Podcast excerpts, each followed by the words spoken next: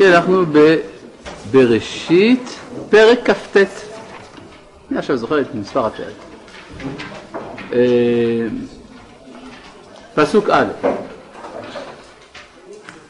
ויישא יעקב רגליו וילך ארצה בנקדם. ארץ בנקדם היא כידוע ארץ ארם נהריים או חרן, כל האזור הזה.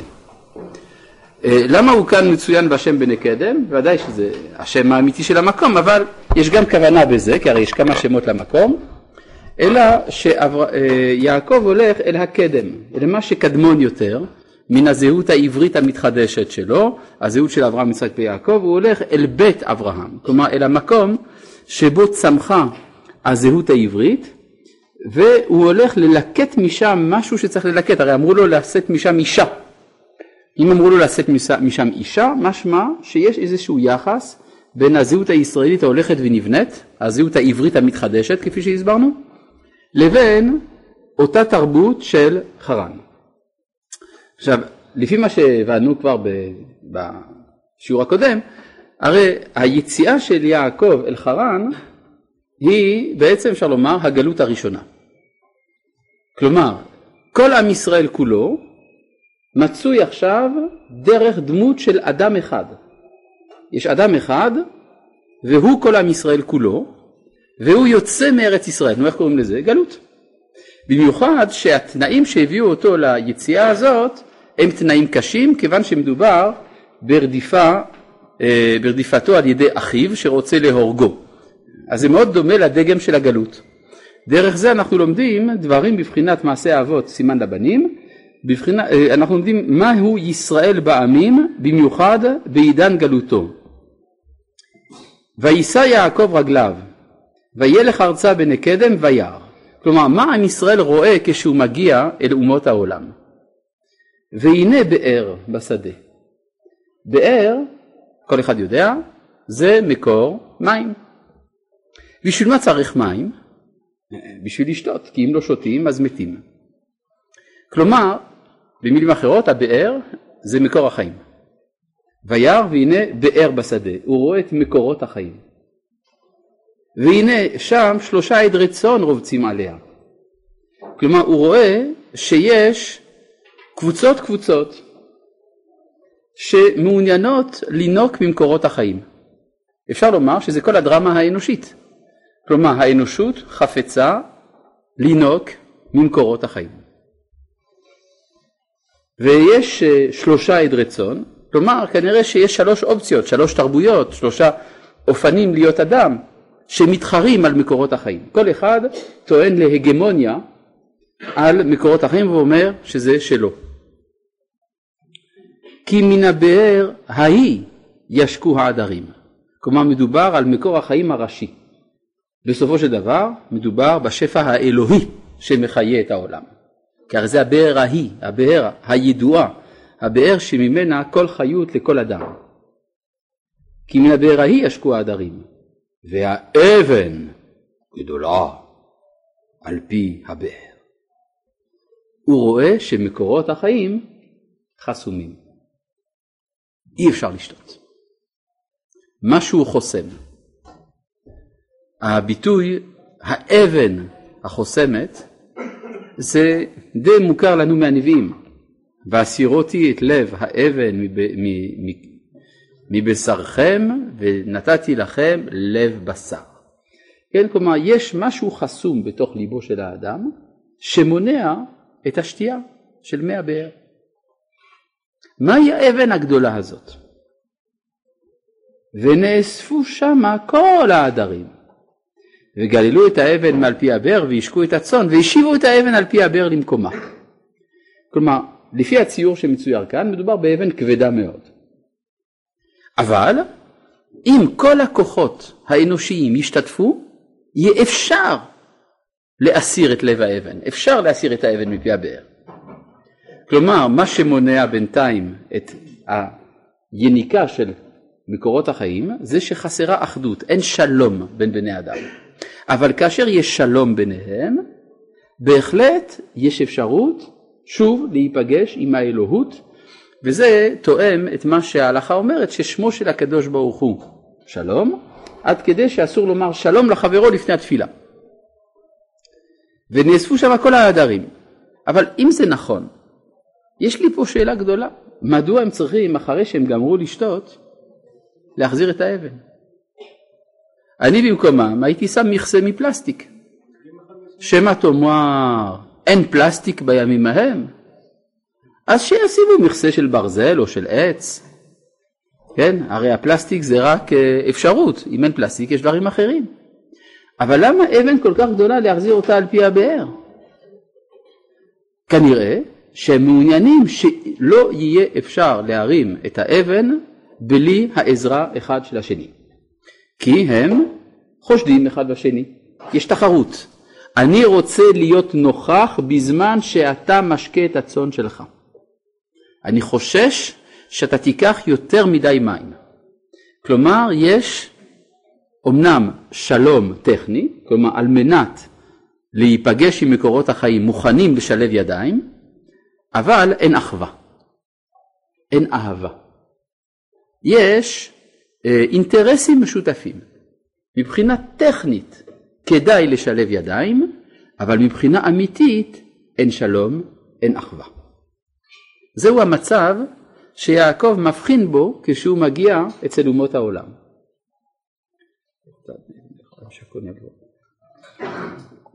אז מה יש לעם ישראל ללמד את העולם? ויאמר להם יעקב אחי. הוא מלמד אותם משהו חדש. הוא מלמד אותם שיש אחווה. ואם יש אחווה, אז מערכת היחסים היא שונה לגמרי. היא כבר לא בנויה על תועלתנות, על פרגמטיות, על יעילות, היא בנויה על אהבה, על ויתור הדדי וכדומה. ויאמר להם יעקב, אחי. טוב, צריך לבסס את זה, מנין לך שאנחנו אחים? צריך לבסס את האחווה, לא סתם פרזות גדולות יפות. אומר להם יעקב פשוט, מאין אתם? כולנו נבראנו יש מאין, יש לנו אותו בורא, אותו אלוה, אחי, מאין אתם? פשוט מאוד. שמא תגידו, לא, מאין זה שאלה. כן? מאין זה כמובן מאיפה. כן? אמנם זה דרש, אבל גם אם נקבל את הדרש הזה, שמאין פירושו מניין, אבל מה, מה, מה התשובה המונחת בשאלה? התשובה לשאלה מאין אתם, התשובה היא מאין. כמו שאומרת המשנה, דע, מאיפה אתה באת? מאין באת. ברור? זה כלומר, אתה, אתה באת יש מאין. כל אדם צריך לדעת מאיפה הוא הגיע. הוא הגיע מן העין, יש רצון מאחורי קיומו. לכן אומר יעקב, ויאמר להם יעקב, אחי, איך אני יודע שאתם אחים? מאין אתם. זה ציור יפה, נאיבי, מלא תקווה, אופטימי מאוד. ויאמרו, בחרן אנחנו. כלומר, זו הפילוסופיה הדתית שאתה הגית, אבל האמת היא שאנחנו באים מחרון אפו של עולם. כך אומר רש"י על וימות תרח בחרן, מה זה חרן? עד אברהם יש חרון אף בעולם. כלומר, אנחנו בעולם סגור של סיבתיות, דמונית, אין תקווה. יש רק תחרות, יש קנאה ושנאה ותחרות, זה מה שיש בעולם. אתה מספר לנו מאין? לא, מחרן אנחנו. מאכזב קצת. ויאמר להם, הידעתם את לבן בן נחור?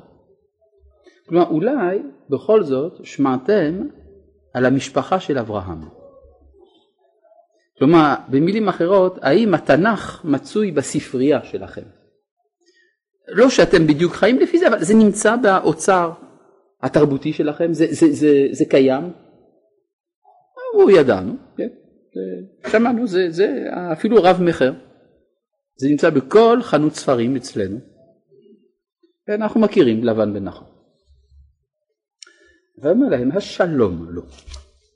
כלומר האם מה שקלטתם מהמשפחה הזאת, המסר שעלה מתוך המסורת התנ"כית, האם זה מסר של שלום? האם הבנתם שיש משהו. כזה, שמדברים על שלום? ואמרו שלום. כלומר, אכן, שמענו על זה. אז אם כן, יש תקווה. איפה התקווה מרוכזת? והנה רחל פתאו באה עם הצאן. כלומר, יש כאן ההזדמנות, רחל עכשיו הולכת ומתקרבת, והנה שם עם רחל נמצאת התקווה של תיקון העולם כולו. איתה אתה יכול לעשות משהו, כן?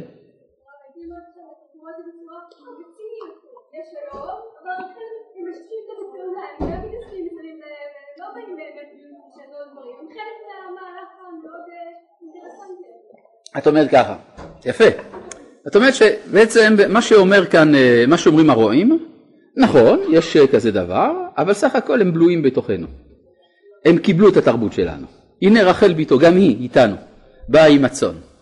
נכון, אפשר בהחלט לומר שזה, שזאת הכוונה שלהם. ודרך הכוונה הזאת, להראות, הנה גם אצלנו יש תרבות יהודית במוזיאונים. בכל זאת, יעקב מבחין שיש בכל זאת איזה גרעין שניתן להחיותו. הרבה פעמים רואים את זה בקהילות יהודיות בחוץ לארץ, שנראה שזהו, נבלעו לגמרי בתוך הנוף התרבותי, אבל שולחים שליח אחד של בני עקיבא, והכל פתאום מתגלה מחדש, נכון? אז מה שכתוב כאן, כן? והנה רחל ביתו בא עם הצאן, אז יעקב אומר, אז יש מה לעשות כאן. אבל מה צריך להיפטר מהם? ויאמר הן עוד היום גדול לא תיאסף המקנה השקו הצאן ולכו ראו. כן, פתאום נזכר שזהו, הגיע הזמן להיפטר מהם, כי הרי רחל הגיע. זה, כלומר, יש דייט, מפריע, מה אני צריך כל הנוכחים? כלומר, זה דבר מאוד מעניין, זאת אומרת, עד שמגיע רחל, יעקב מוכן לשיתוף פעולה איתם.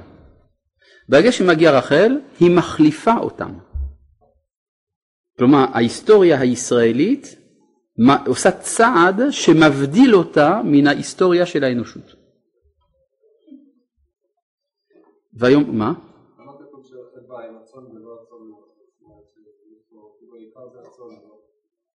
והנה רחל באה עם הצאן. למה, למה זה אומר שהצאן הוא העיקר? דווקא הייתי אומר הצאן בא עם רחל אם כבר אתה אומר, אבל כאן רחל באה, היא המנהיגה. אה, ויאמרו לא נוכל עד אשר יאספו כל העדרים וגלו את האבן מעל פי הבאר והשכינו הצאן. עודנו מדבר עמם ורחל באה, יש הבדל בין באה לבאה, באה הכוונה שהיא מגיעה, באה היא כבר הגיעה, מלעיל. עם הצאן אשר לאביה כי רואה היא, כלומר היא מנהיגה. יש לה מנהיגות, יש לה, אגב המנהיגות שלה היא מנהיגות של אה, רעות, היא רואה, מלשון רע, ואהבת לרעך, זה בנוי שם. ויהי כאשר ראה יעקב את רחל בת לבן אחי אמו ואת צאן לבן אחי אמו, ויגש יעקב ויגל את האבן מעל פי הבאר.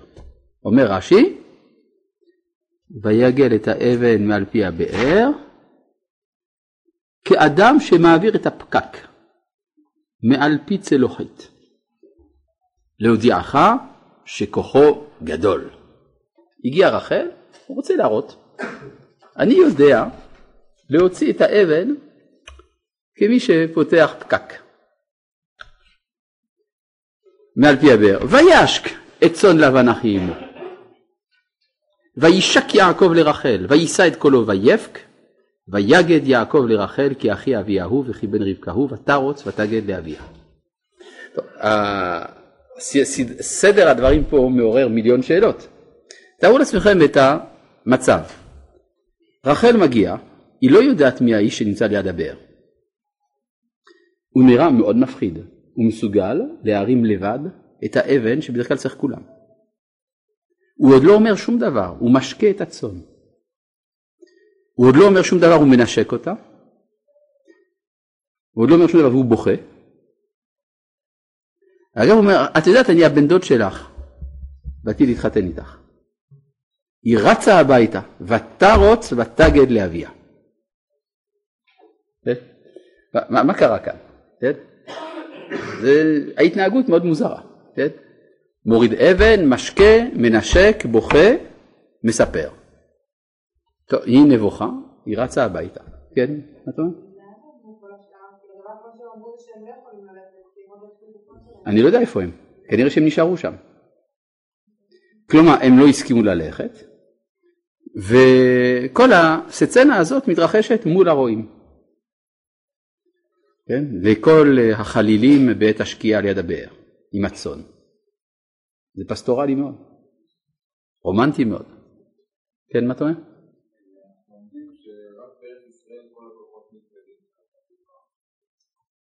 מה השאלה? נכון. לא. מי אמר שכל הכוחות יתגלו כאן? הלאה. עכשיו אני רוצה, לה, כדי לפתור את כל סדרת השאלות הזאת, אה, סדרת השאלות האלה, אנחנו קודם כל צריכים להבין למה הוא בכה. נתחיל מזה. כן, זה הדבר התמוה ביותר כאן מכל הסיפור שהוא בוכה. אה, יש במדרש דבר מאוד מעניין. הוא בכה בגלל שרועי הצאן שהיו מסביב התחילו לצחוק. צחקו עליו. אמרו תראו מי זה האיש הזה, הבחורה הראשונה שהוא פוגש, לא מכירים אותו במקום, הוא מנשק אותה. ואז הוא בכה. טוב, זה מאוד מעניין. מה אכפת לו מה שהם אומרים? כלומר, אם כל כך לא אכפת לו מה שהם אומרים, אז למה הוא בוכה כשהם צוחקים? גם פה עולה שאלה, למה הוא באמת נשק אותה? אז זה לא דרך ארץ. אפילו לא אמרת למי אתה. מה זה הסיפור הזה? כן? אלא מה? כנראה שברגע שנפגשו יעקב ורחל היה מפגש פה של הנשמות. והנשמות האלה הרגישו זו בזו שהם עתידים לשנות את העולם כולו. כאן נוצר המנוף של תיקון העולם כולו. אז יש הכרח לתת ביטוי מעשי להתקשרות הזאת, בבחינת מה שאמרו רבותינו, מצווה הבאה לידך, אל תחמיצנה, אסור להסביר. אם הוא יסביר, הוא יכול להגיד לרועים, רק רגע רבותיי, אני רוצה להסביר לכם משהו, תשבו, עושה סימפוזיון על תיקון העולם, על אה, אהבה נשמתית, ואני רוצה להסביר לכם מה אני הולך לעשות. אני הולך לנשק את רחל כי. אז עבר הזמן. ברגע שעבר הזמן, הזמן של התיקון התבסס. לכן אין ברירה, אסור לו להמתין, אבל הוא משלם על זה מחיר. המחיר יהיה שהם יצחקו עליו. ואז מה אם הם צוחקים? יש בעיה, כי הרי בשביל מי הוא עושה את זה? עבור מי הנשיקה הזאת? עבורם. ולכן חשוב שהם יבינו מה הוא עושה, אבל אין ברירה, אי אפשר להסביר להם. ולכן הם צוחקים והוא בוכה. על פי העיקרון, מנשקים ובוכים. נגיד זה אחרת, שהוא אה, כנראה הבין, שזו אגב בעיה שעם ישראל אה, עומד בפניה הרבה פעמים. לפעמים צריך לעשות מעשים שמביאים עלינו את גינוי העולם. העולם יגנה. אבל אין זמן להסביר, אז אולי לא נעשה? לא, אנחנו נעשה, למרות שהעולם עוד לא במדרגה להבין את מה שאנחנו עושים, כי אנחנו יודעים יותר טוב מהם מה טוב להם. ולכן יעקב שיודע יותר טוב מן הרועים מה טוב לרועים, עושה מעשה שמביא עליו ביקורת מוסרית, ולו רק כדי לתקן אותם. מובן? כן. המדרש אומר, ואיך, אבל איך המדרש יודע שהם צחקו? כי הוא בכה.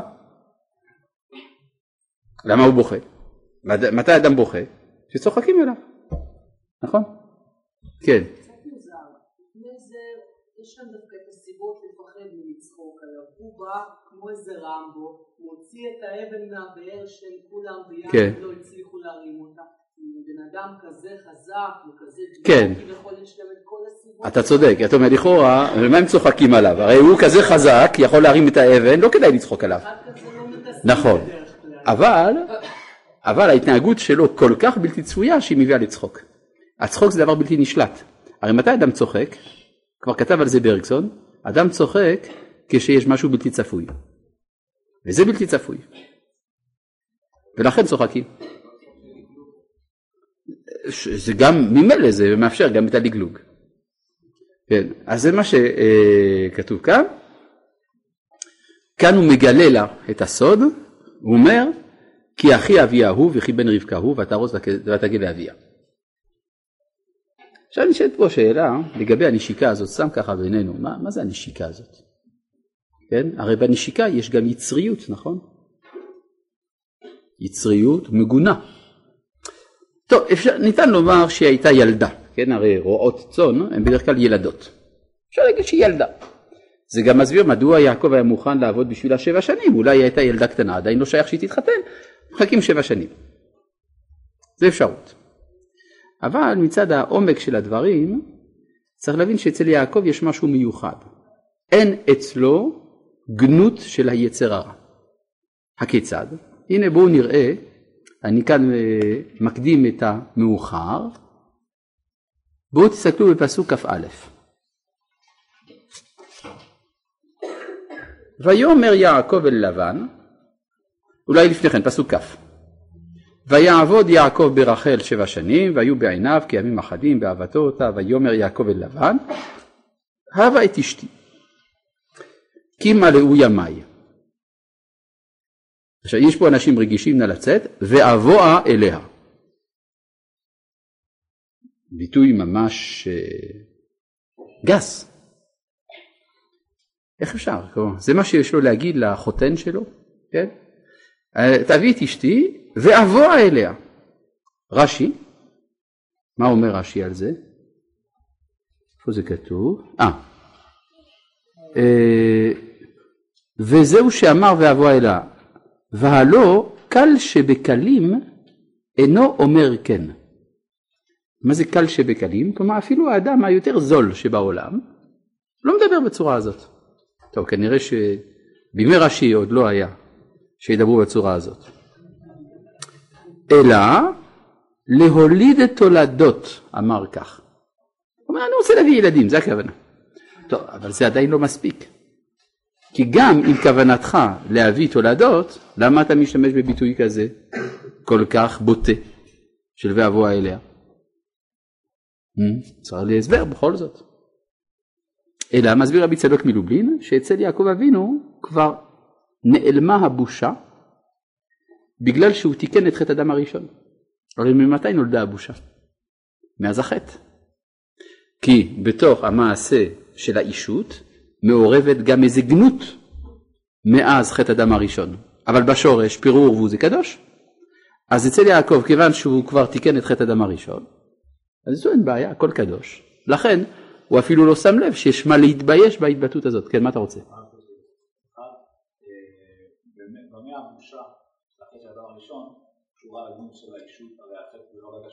וידעו כי יראו ממנו. כן, מה עוד? איפה רואים שיעקב תיקן חטא הדם הראשון? פה. זאת אומרת, ולכן הנשיקה שלו היא לא יצרית, היא אידיאלית.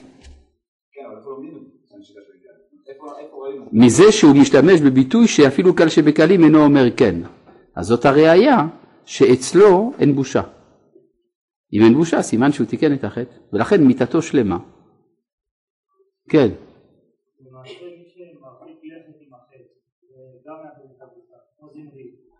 כן, אבל יעקב הוא לא כזה.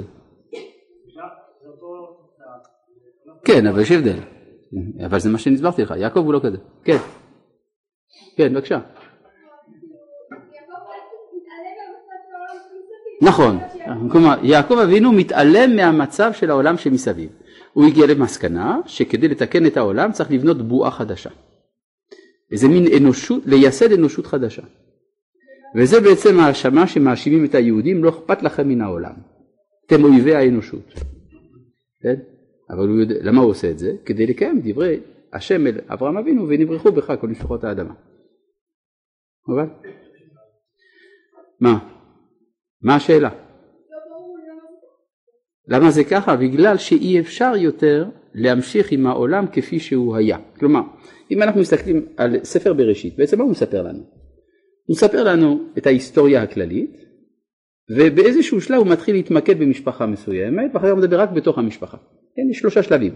זה כלל אנושי, אחר כך האנושות ובית אברהם, ואחר כך בתוך בית אברהם מתחילים לדבר רק על בית אברהם. מה, מה המשמעות של הדבר הזה? האנושות היא ניסיון ראשון, אבל זה הביא כישלונות. מה הם הכישלונות? שפיכות דמים, עבודה זרה וגילוי עריות. שפיכות דמים בדור המבול, עבודה זרה בדור הפלגה, גילוי עריות בסדום ועמורה. שלושת הנפילות האלה של האנושות, שהן מבחינת בן אדם לחברו, בן אדם למקום ובן אדם לעצמו, צריכות, מצריכות בנייה מחדש של מעבדה פנימית שבתוכה מה שהאנושות ניסתה ונכשלה בו יצליח. ואז אברהם בא לתקן חטא עבודה זרה, יצחק של שפיכות דמים, יעקב של גילוי עריות. מתוך כך ייבנה גרעין אנושי שיוכל להחליף את האנושות הכללית ומתוך כך לתקן אותה. ממלכת כהנים וגוי קדוש. לכן האסטרטגיה מצריכה שבשלבים ראשונים ייווצר חיץ. והחיץ הזה נעשה על ידי יעקב בין היתר, לא רק הוא אגב. כן, אבל אצלו זה מאוד בולט. כן? בבקשה.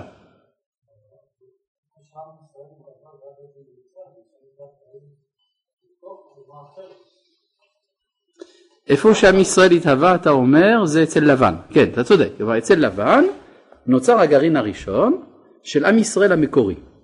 אותו עם ישראל מקורי, אנחנו יודעים מההמשך של הסיפור שהוא נעלם במצרים ונולד מחדש בתוך, אה, בתוך סביבה עוינת. הסביבה העוינת של מצרים בידדה את ישראל מהם. נכון, אתה צודק. ואז בעצם גם כן יש דרך עשר המכות היפרדות כביכול מהשליה המצרית שנקראת ערוות הארץ, ערוות הארץ המקום שבו ממנו נולדים החיים. כן, כלומר ההבחנה שלך נכונה. כן.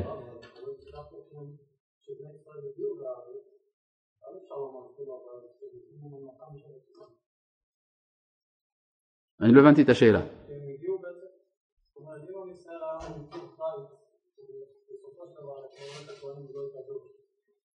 נו.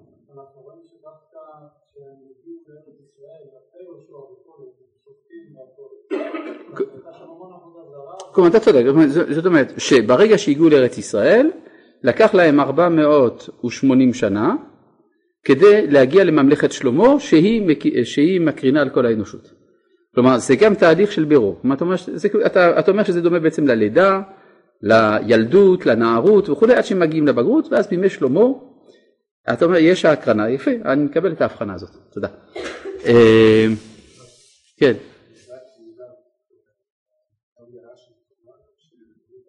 אני עוד לא יודע, אני עוד לא יודע, אתה מדבר איתי על דברים שאני לא למדתי. אה, עוד לא. טוב, בואו נראה. אז אה, בואו בוא נחזור ל, ל, לפסוק י"ג. ויהי תשמוע לבן את שמע יעקב בן אחותו וירוץ לקראתו ויחבק לו וינשק לו ויביאו אל ביתו ויספר לבן כל הדברים האלה. מה זה הדברים האלה? יש רש"י מי שמעוניין ויאמר לו לבן אח עצמי ובשרי אתה וישב עמו חודש ימים ויאמר לבן ליעקב אחי אחי אתה ועבדתני חינם אגידה לי מה משכורתך ולבן שתי בנות שם הגדולה לאה ושם הקטנה רחל ועיני לאה רכות ורחל הייתה יפת תואר ויפת מראה. עכשיו אה, לא הבנתי מה זה הסיפור הזה וללבן שתי בנות הרי זה היה ידוע כבר לרבקה אמרה ולקחת משם אישה מבנות לא, זה, יצחק אמר לו, ולקחת משם אישה מבנות לבן אחי אמך. עכשיו, צריך להבין קצת את השליחות הזאת של יצחק. למה יצחק לא אומר ללבן איזו משתי הבנות לקחת? יגיד לו, או שיגיד לו רחל, שיגיד לי, הרי אם הוא יודע שיש בנות ללבן, הוא גם יודע מי הן. רחל ולאה ידועות. אלא שמתי זה קורה? בדיוק אחרי החלפת יעקב בעשיו, נכון? עכשיו זה לא ברור מי הוא הבכור, מי הוא השני. עד, עד אז היה מאוד ברור, עשיו הבכור, יעקב הוא הקטן. אבל עכשיו הוא לקח לו את הבכורה ולקח לו את הברכה, הכל מבולבל. אז אפשר להגיד לו עם איזה בת להתחתן? עם הגדולה או עם הקטנה? עכשיו הדבר הזה מרמז לנו דבר מעניין, שכנראה רחל ולאה הן תאומות. בדיוק כמו שיעקב ועשו הם תאומים. איך אומר המדרש? הבריות היו אומרים שתי בני, שני בנים לרבקה ושתי בנות ללבן, הגדולה לגדול והקטנה לקטן. אבל עכשיו לא ברור מי הגדולה ומי הקטנה, לא ברור מי הגדול ומי הקטן.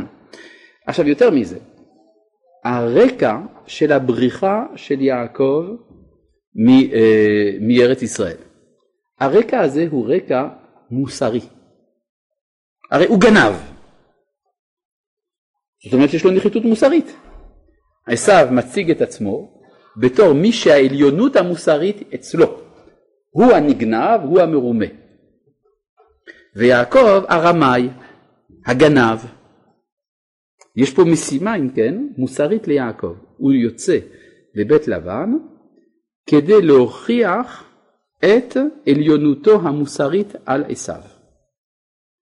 וזה לא פשוט, בשלבים הראשונים כנראה שעדיין אין לו מה למכור כדי להסביר את עצמו. כלומר, ודאי שיעקב יודע למה הוא עושה את מה שהוא עושה, אבל עדיין השיח הגלוי שלו לא מאפשר לו להראות את עליונותו המוסרית.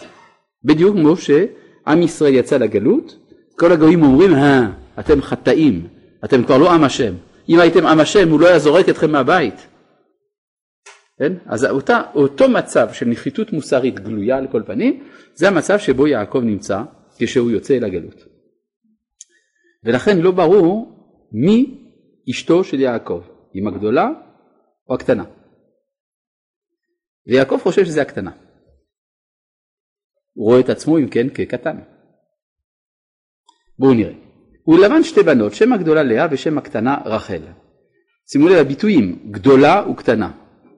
לאה נועדה לגדולות, רחל לקטנות. ויאהב יעקב את רחל, כתוב בפסוק י"ח, למה הוא אהב אותה? הוא פגש אותה, אמרנו באיזה תנאים הוא פגש אותה. הרומנטיקה על פי הבאר לכל חלילי הרועים בשעת הערב. והיא גם יפה. עכשיו, הרומנטיקה של יעקב, בסדר, זה קדוש, זה לא רומנטיקה פשוטה, אבל זה רומנטיקה. והשאלה היא, מה הרומנטיקה אומרת? זה משהו שבסופו של דבר נוגע בחיצוניות של החיים ולא בפנימיותן. לאה, עיניה רכות, עיניים רכות, אז לא רואים את הגדלות. הגדלות מוסתרת פנימה מאוד. או ויאהב יעקב את רחל ויאמר אהב אותך שבע שנים ורחל בתך קטנה ויאמר לבן טוב תיתי אותה לך מתיתי אותה למי? עכשיו זה ברור למי. טוב תיתי אותה לך מתיתי אותה לאיש אחר. מי זה האיש האחר הזה? זה עשיו, פשוט מאוד. מה? מה? אה, למה זה יותר טוב? אני לא יודע, אבל כנראה שהוא מבחין שכנראה יעקב מתאים לרחל. כן, מה אתה אומר?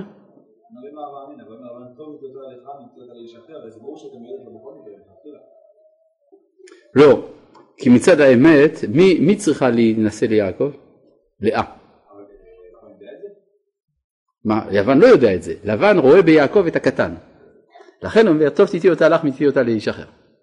שבע עמדי. ויעבוד יעקב ברחל שבע שנים והיו בעיניו כימים אחדים באהבתו אותה. פסוק חסר משמעות לחלוטין לכאורה, איך זה יכול להיות? אם הוא אוהב אותה אז למה זה כימים אחדים? הרי כל שנייה היא נראית כנצח. היה צריך להיות שהיו בימיו כימים רבים. מה זה ימים אחדים? הכוונה שהוא היה מוכן בשבילה לעבוד שבע שנים זה דבר מעט בשבילו אבל הביטוי ימים אחדים הוא צריך גם כן ברור הרי מה אמרה לו רבקה וישבת עמו ימים אחדים. עכשיו אני רוצה להבין מה פירוש המילה ימים אצל חז"ל, אה, בתנ"ך. ימים זה שנה, נכון? תשב הנערה עמנו ימים או עשור, ימים זה שנה. ומה זה אחדים? שבע. למה? שתיים, ארבע, שש זה זוגות. שבע זה יחיד, נכון? זה אי זוגי. שלוש חמש, ידעתי שמישהו יקשה ככה, אולי תשע. נו באמת, יש מדרש מפורש לגבי ימי השבוע, שעמדה שבת לפני הקדוש ברוך הוא ואמרה לו ריבונו של עולם לכל נתת בן זוג ולי לא נתת, לא נתת בן זוג. אמר הקדוש ברוך הוא ישראל יהיו בן זוגך. זאת אומרת שיש בת זוג לכנסת ישראל, עם ישראל, זאת אומרת שהשביעי הוא יחיד במהותו, כי כל השאר מסודר זוגות זוגות, כך סדר העולם של הקדוש ברוך הוא. איפה רואים את זה בסדר, בסדר עולמו של הקדוש ברוך הוא? העולם המרחבי שבו אנחנו חיים הוא תלת מימדי. תלת מימדי, אם כן יש שישה כיוונים, מעלה מטה, ימין שמאל, קדימה ואחורה. הנקודה היחידה שאין לה קוטב נגדי, שאין לה בן זוג, זה הנקודה האמצעית, השביעית, פשוט מאוד. ולכן כימים אחדים שאמרה לו אמו, פשוט מאוד. ויאמר יעקב אל לבן הבה את אשתי כי מלאו ימי ואבוא אליה ויאסוף לבן את כל אנשי המקום ויעש משתה ויהי בערב ויקח את לאה ביתו ויבא אותה אליו ויבוא אליה. ויתן לבן לה את זלפה שפחתו ללאה ביתו שפחה. למה הוא עושה את זה? למה לבן נותן את לאה? מה אתה אומר?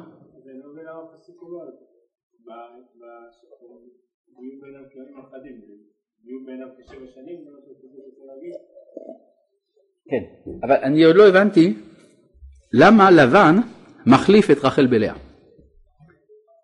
למה הוא עושה את זה? לא דווקא רוצה ששתיהם יהיו ליעקב, הוא רוצה את לאה ליעקב. או בגלל שאולי שהוא הבחין במשך שבע שנים שיעקב ראוי ללאה. ו... אבל איך הוא לא הבחין שזאת לאה? הם היו תאומות. מה ההבדל ביניהן? העיניים, נכון? מתי הוא ראה את העיניים? בבוקר, נכון? לכן ויהי בבוקר והנה היא לאה.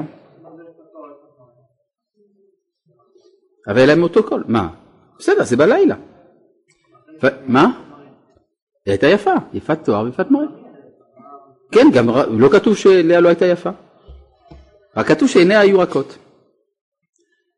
ויתן לבן את זלפה שפחתו ללאה ביתו שפחה ויהי בבוקר והנה היא לאה ויאמר אל לבן עכשיו הדיאלוג פה הופך להיות הזוי לחלוטין. ויאמר אל לבן מה זאת עשית לי? הלא ברחל עבדתי עמך ולמה רימיתני? ויאמר לבן לא יעשה כן במקומנו לתת הצעירה לפני הבכירה יפה. מה, אני, מה אתה היית עונה במקום יעקב? מה כל אחד מאיתנו היה עונה? כן, אבל לא ככה דיברנו, למה לא אמרת? אה? מה אומר יעקב? הוא לא אומר כלום. למה? מה, כזה פראייר? בואו שוב נתבונן בדברי לבן ונבין. ויאמר לבן, לא יעשה כן במקומנו לתת הצעירה לפני הבחירה. זאת אומרת, במקומנו לא עושים דברים כאלה לשים את הצעיר לפני הבכור. Hmm? מזכיר לך משהו? כלומר, כדאי לך שתשתוק. כי אם אתה תדבר, אנחנו נזכיר שאתה רימית. אל תבוא בטענות על רמאות, כי לא יעשה כן במקומנו, במקומך כן. אבל אצלנו אנחנו ישרים. כלומר, פה באה טענה מוסרית. יעקב מוכרח לשתוק. מה? אה, שקר, אז מה עם שקר? גם יעקב שיקר. כלומר, יש פה, כל דבר שיגיד יעקב זה, זה ישמש נגדו. אז עדיף לשתוק.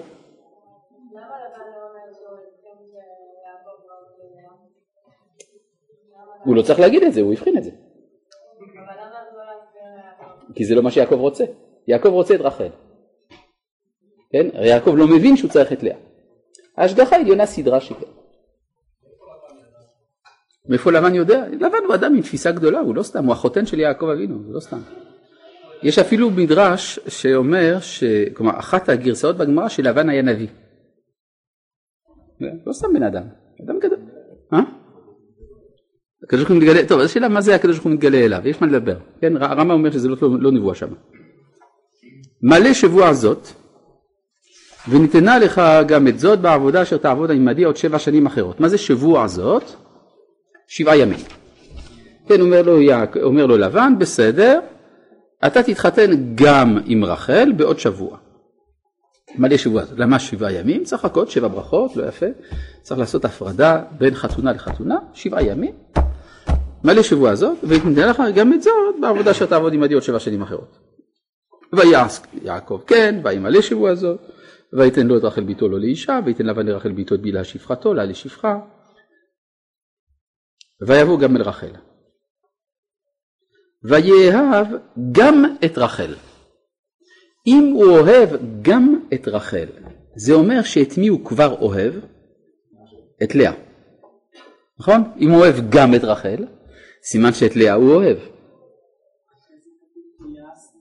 אני עוד לא יודע, אתה אומר פסוקים שאני לא מכיר, לי יש כלל כשאני לומד פסוק שאני עוד לא יודע מה הפסוק הבא אומר. קודם כל להבין מה הפסוק הזה אומר. כתוב ויאהב גם את רחל, סימן שהוא אוהב את לאה. ויש לי עוד תוספת, מלאה. כלומר, לא רק שכתוב ויאהב גם את רחל, כתוב גם מלאה. זאת אומרת, רוצים להראות עד כמה הוא אוהב את רחל, שהוא אוהב אותה יותר ממה שהוא אוהב את לאה. אם אהבתו ללאה הייתה אהבה קטנה, היא לא הייתה מדד בכלל. אלא אם הכתוב רוצה להראות שהוא מאוד אוהב את רחל ומודד את זה ביחס לאהבתו ללאה, סימן שלאה אהובה מאוד. מה אתה אומר? או אוהב את רחל מתוך שהוא אוהב את לאה, לא משנה, אבל על כל פנים לאה היא מדד, או עם מקור, לא משנה. ויעבוד עם עוד שבע שנים אחרות. וירא השם כי שנוא עליה. אה, בום, הפסוק הזה שובר את הכל. מה זה וירא השם כי שנוא עליה? פשוט מאוד. הוא אוהב את רחל יותר מלאה, זה נקרא לשנוא. כלומר שנאה זה לא שיש לי ריר כשאני שומע שני אני רוצה לחנוק אותו. לא. לשנוא הכוונה. אני אוהב אבל לא כמו שצריך. כי הרי היה אסור שתהיה אהבה יתרה לאחת מנשיו, זאת אשתו וזאת אשתו. באותה מידה שהוא אוהב את זאת, צריך לאהוב באותה מידה את זאת. כיוון שיש החסרה של האהבה הראויה ללאה, והיה רשם כי שנוא עליה. או, מזה אנחנו לומדים, מזה הלכות אגב. כתוב כי תראה חמור שונאך רובץ תחת מסעו, אז uh, התורה אומרת מה זה שונאך?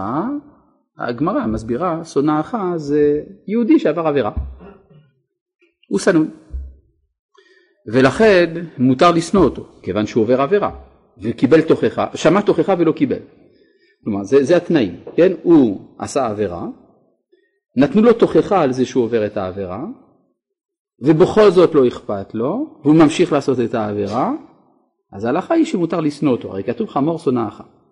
אבל אם מותר לשנוא אותו, אז למה התורה מצווה עליי לעזור לו להרים את המסע מהחמור? אז הגמרא אומרת, מצווה בשונא, יותר משל אם אני רואה אוהב ושונא, ששניהם צריכים עזרה, אני צריך קודם כל לעזור לשונא. למה? כדי לקוף את יצרו. לקוף את יצרו, שואלים התוספות, רגע, למה לקוף את יצרו? הרי זה מותר, אמרת שמותר לא לשנוא, אז למה, איזה יצר פה צריך לקום? אם זו הייתה עבירה, מילא, אבל אמרת שמותר לשנוא אותו, אז למה, למה פתאום צריך לקוף את יצרו? אומרים התוספות, כי ברגע שאתה לא תעזור לו, הוא ירגיש שיש לך משהו נגדו. ואז כמים הפנים לפנים, כן לב האדם לאדם, גם הוא ישנא אותך. ואתה תרגיש את השנאה שיש לו עליך על זה שאתה שונא אותו. ואתה תשנא אותו על השנאה הזאת. ואז הוא ירגיש את זה, ואז מגיעים לידי שנאה גמורה. שנאה גמורה התורה לא התירה. אז עכשיו יש לי פה סיבוך בראש. מה התכוונו בעלי התוספות? לנו שנאה גמורה ושנאה לא גמורה. מה זה שנאה גמורה? שנאה גמורה זה מה שאמרנו עם הריר וה... כן? כל, ה... כל האדרנלין שפתאום עולה לי בראש. אבל השנאה שהתורה התירה זה קפידה. זאת אומרת, כיוון שהאדם עבר עבירה והוא לא רצה לקבל את התוכחה, אני לא יכול להישאר אדיש למצב הזה. אז יש לי קצת התרחקות. זה מה שהתורה התירה. ברגע שזה מעבר לזה, זה אסור. לכן מצווה בשונא לעקוף את יצרו. מובן? עכשיו מאיפה חז"ל יודעים כן ששנאה זה רק הגירוד הזה? כתוב, היה השם כי שנוא עליה. שהיא הייתה אהובה ואף על פי כן לא אהובה כרחל, זה נקרא לשנוא. כן, מה אתה אומר?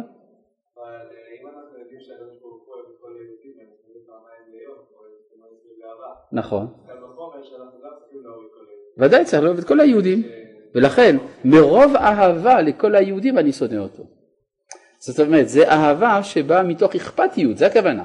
כלומר זה שנאה, זה לא שנאה במובן של אני שונא, רוצה להרוג אותו, אלא הכוונה שאני כל כך אוהב אותו, שכואב לי שהוא שמע תוכחה ולא רוצה לקבל. זה הכוונה. וכל זה כמובן הוא תיאורטי לחלוטין, מכיוון שרבי עקיבא כבר אמר אה, שאין בדור שלו מי שיודע להוכיח, מילא אף על פי שמצוות תוכחה לא בטלה, אבל ההשלכה המתירה אפילו את השנאה הקטנה הזאת, ההשלכה הזאת בטלה. כן. וירא השם כי שנוא עליה. ויפתח את רחמה ורחל עקרה. וטהר לאה ותלת בן. כן מה?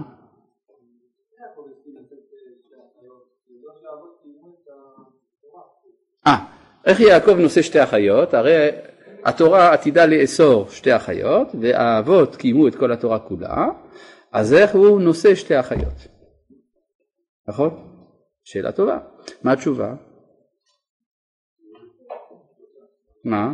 הוא לא תכנן לעשות שתי אחיות. אבל האמת היא שנאמרו על זה הרבה הרבה תשובות.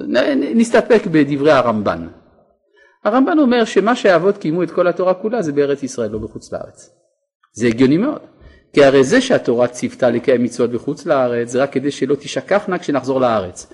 אצלם אין בעיה שמא תשתכח, לכן הם לא קיימו את המצוות בחוץ לארץ. כן? זה הרמב"ן.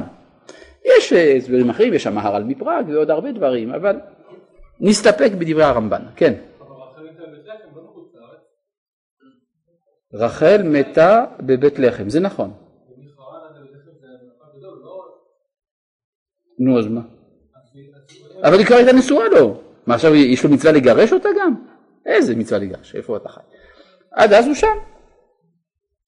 אבל אה, נאמר, אבל אני אגיד לך אולי משהו שהזוהר אומר. זוהר אומר דבר מעניין, יעקב התחתן עם רחל וישראל התחתן עם לאה. אז הכל מסודר. כן? לא באמת, זה שתי בחינות באישיות של האדם. טוב, אה, אנחנו לא יכולים להשתמש בזה הלכה למעשה, אבל אצל האבות דברים כאלה היו אפשריים.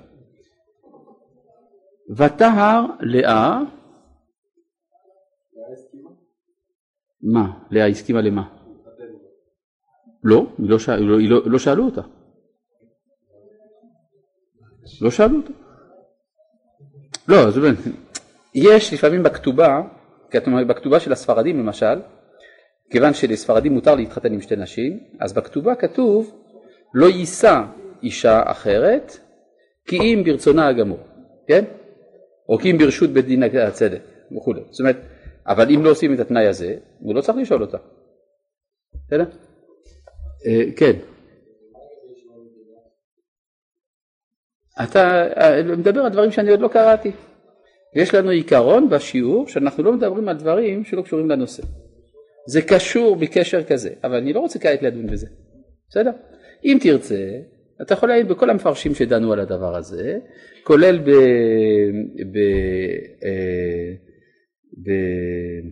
איך זה נקרא? לא דת זקנים של בעלי התוספות, אלא משהו אחר של בעלי התוספות, כתב יד ששון, שם מדבר בזה באריכות. בסדר, אבל זה בנושא, אני לכן אני רוצה לדבר על זה. אני רוצה להתקדם לפסוק הבא, אם אתה מרשה לי. טוב. אה, פסוק ל"ב ותהר לאה ותלת בן ותקרא שמו ראובן. שם יפה אבל למה שם כזה? מה פירוש השם הזה? ראו בן, נכון?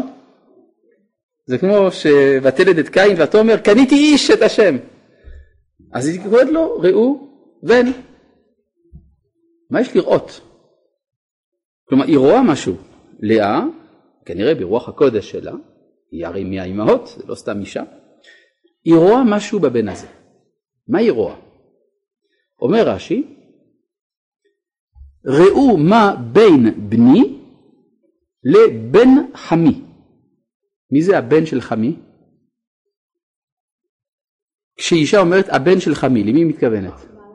או בעלה או הגיס שלה, זה, אחד, זה שתי האפשרויות. כן? בן חמי זה או בעלי או גיסי. אז ודאי שהיא לא מדברת על בן חמי כי זה קצת אה, עקום, היא מדברת על עשיו, היא משווה בין הילד הזה לבין עשיו. מאיפה חז"ל לקחו את זה שהיא משווה בינו לבין עשיו? מה, מה יש להשוות בכלל? יש כנראה מכנה משותף בין ראובן לעשיו. מה, מה המכנה המשותף? שני בכורות.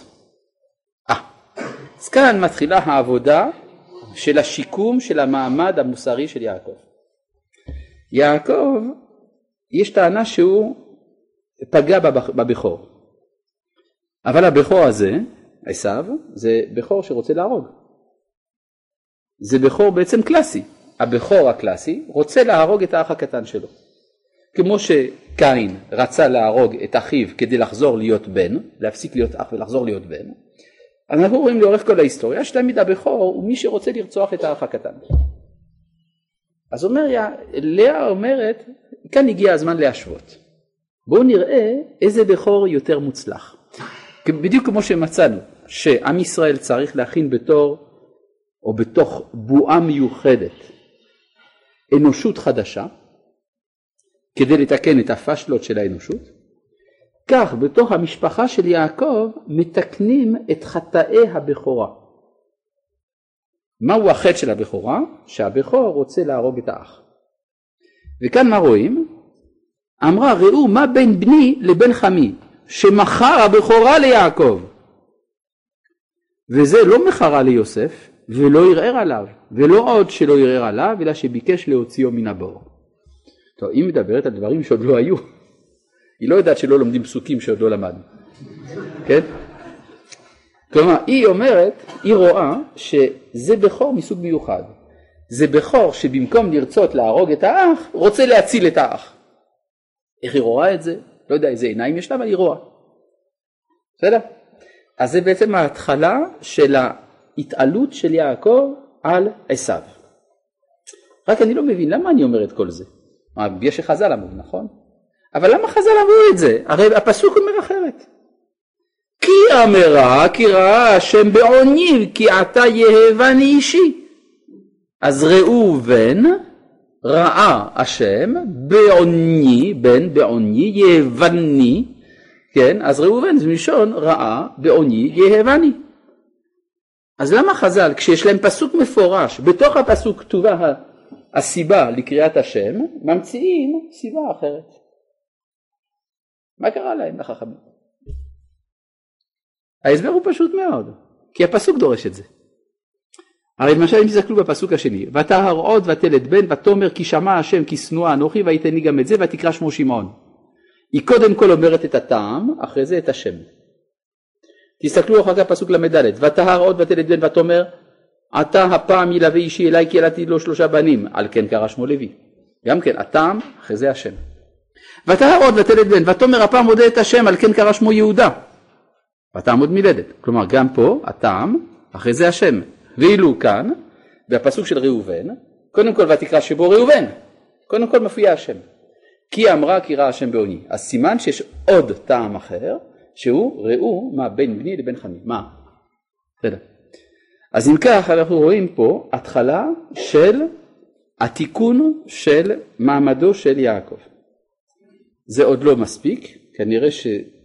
כי אם זה היה מספיק, אז באותה שעה היה צריך יעקב לחזור לארץ ישראל, והוא עדיין ממתין. מה הסיבה שהוא ממתין? את זה נראה בפעם הבאה. שלום.